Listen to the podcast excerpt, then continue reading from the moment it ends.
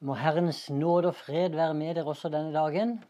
Vi er kommet fram til den 57. dagen i serien 366 dager om Jesus i Gamle Testamentet. I dag så leser vi fra 2. Mosebok kapittel 12 og vers 7. Så skal de ta noe av blodet og stryke det på de to dørstolpene og på bjelken over døren i de husene hvor de spiser det. Tittelen i dag er 'Merket med blod'. Den natta som Israel forlot Egypt, så skjedde det noe forferdelig i landet. I alle egyptiske hjem så våkna de opp med sorg og skrik. For Herrens engel hadde slått i hjel alle de førstefødte guttene i familiene.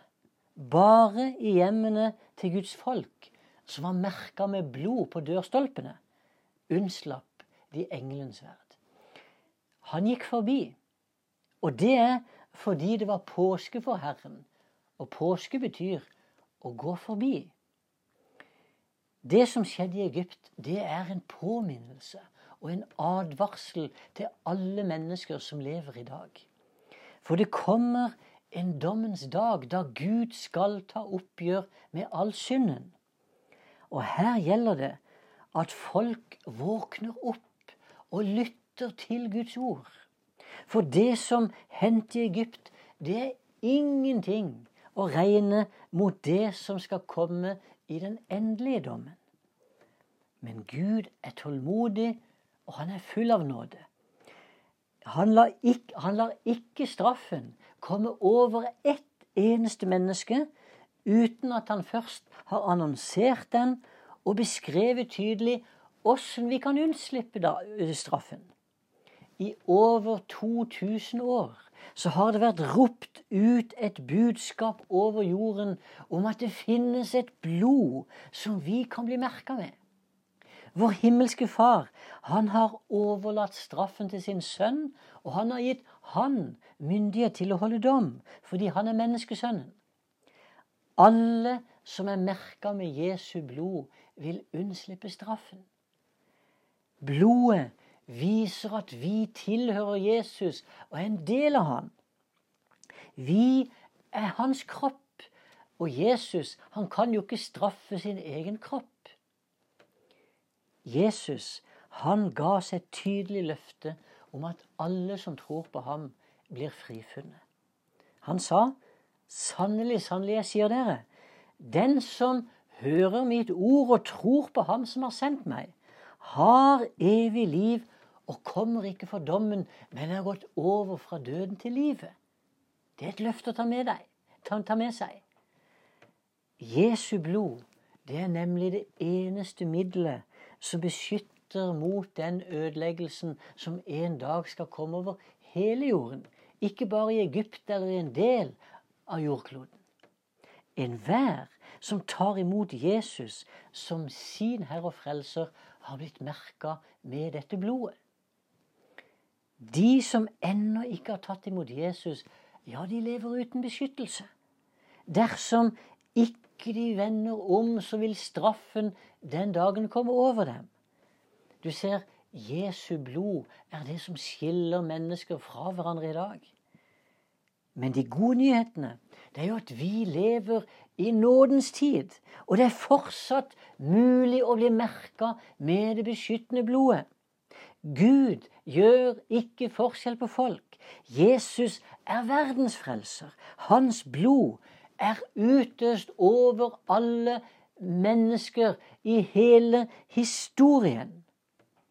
Både de som levde før Jesus, de som levde samtidig med ham, og de som lever etter han, er avhengige av hans blod for å unnslippe dommen og komme inn i Guds rike. Jesu blod det er det mest verdifulle og dyrebare som finnes, men det gis gratis. I Gamle Testamentet så måtte familiene ta ut ett av sine egne lam. I Nytestamentet så har Gud gitt lammet som ble slakta, for at blodet skulle kunne utøses gratis over oss. Betydningen av denne handlingen, ja, den er enorm. Den er nærmest ubeskrivelig. I Bibelen så er det åpenbart fire store sannheter om Jesu blod, og la meg dele de kort her. For det første din synd og din syndige natur er tilgitt ved Jesu blod. Synd, det er ikke bare hva et menneske gjør av gale handlinger, men det handler også om hva et menneske er. Guds ord slår fast at alle mennesker som er født etter Adams fall, lever i en syndig natur. Men ved Jesu blod er alt som har med synden å gjøre, tilgitt. For det andre Satans makt over ditt liv ble tilintetgjort ved Jesu blod. Djevelen han herska jo over alle mennesker pga. synden. Men da Jesus døde på korset, så seira han over djevelen og hans ånde her og kledde dem nakne. Satan har ikke lenger noen rett over dem som er rensa i Jesu blod. For de tilhører Jesus. For det tredje vi mottar Guds nærvær ved Jesu blod. Jesus var sann Gud og sant menneske.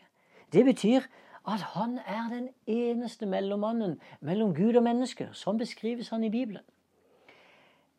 Guds nærvær erfares enkelt sagt på to måter.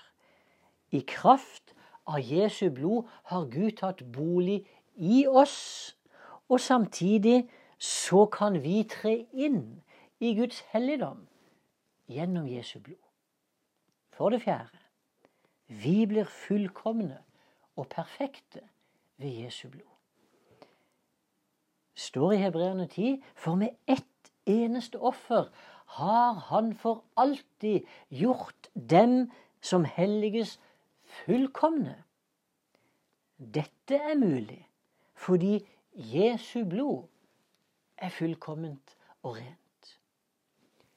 Denne dagen så takker vi deg, far, for at du har gitt et sånt middel gjennom din sønn, som vi kan bli rensa ved, og som gjør at vi er trygge når dommen en dag skal komme over jorden. Herre, vi takker deg for at du sendte Jesus, og vi takker deg, Jesus, for at du var villig til å la ditt blod bli utøst, og på en sånn måte at dette blodet beskytter oss at dette blodet gir oss del i din frelse. At dette blodet gir oss del på din kropp. Og vi takker deg, Jesus, for at vi kan være trygge i deg. Og så ber vi samtidig, Herre, om at du må åpne øynene på de menneskene som vi møter, sånn at de skal få se at det finnes et blod som de fortsatt kan få del i, og som skal beskytte og frelse dem. Bruk oss, Jesus, til å peke på deg denne dagen i ditt hellige navn. Amen.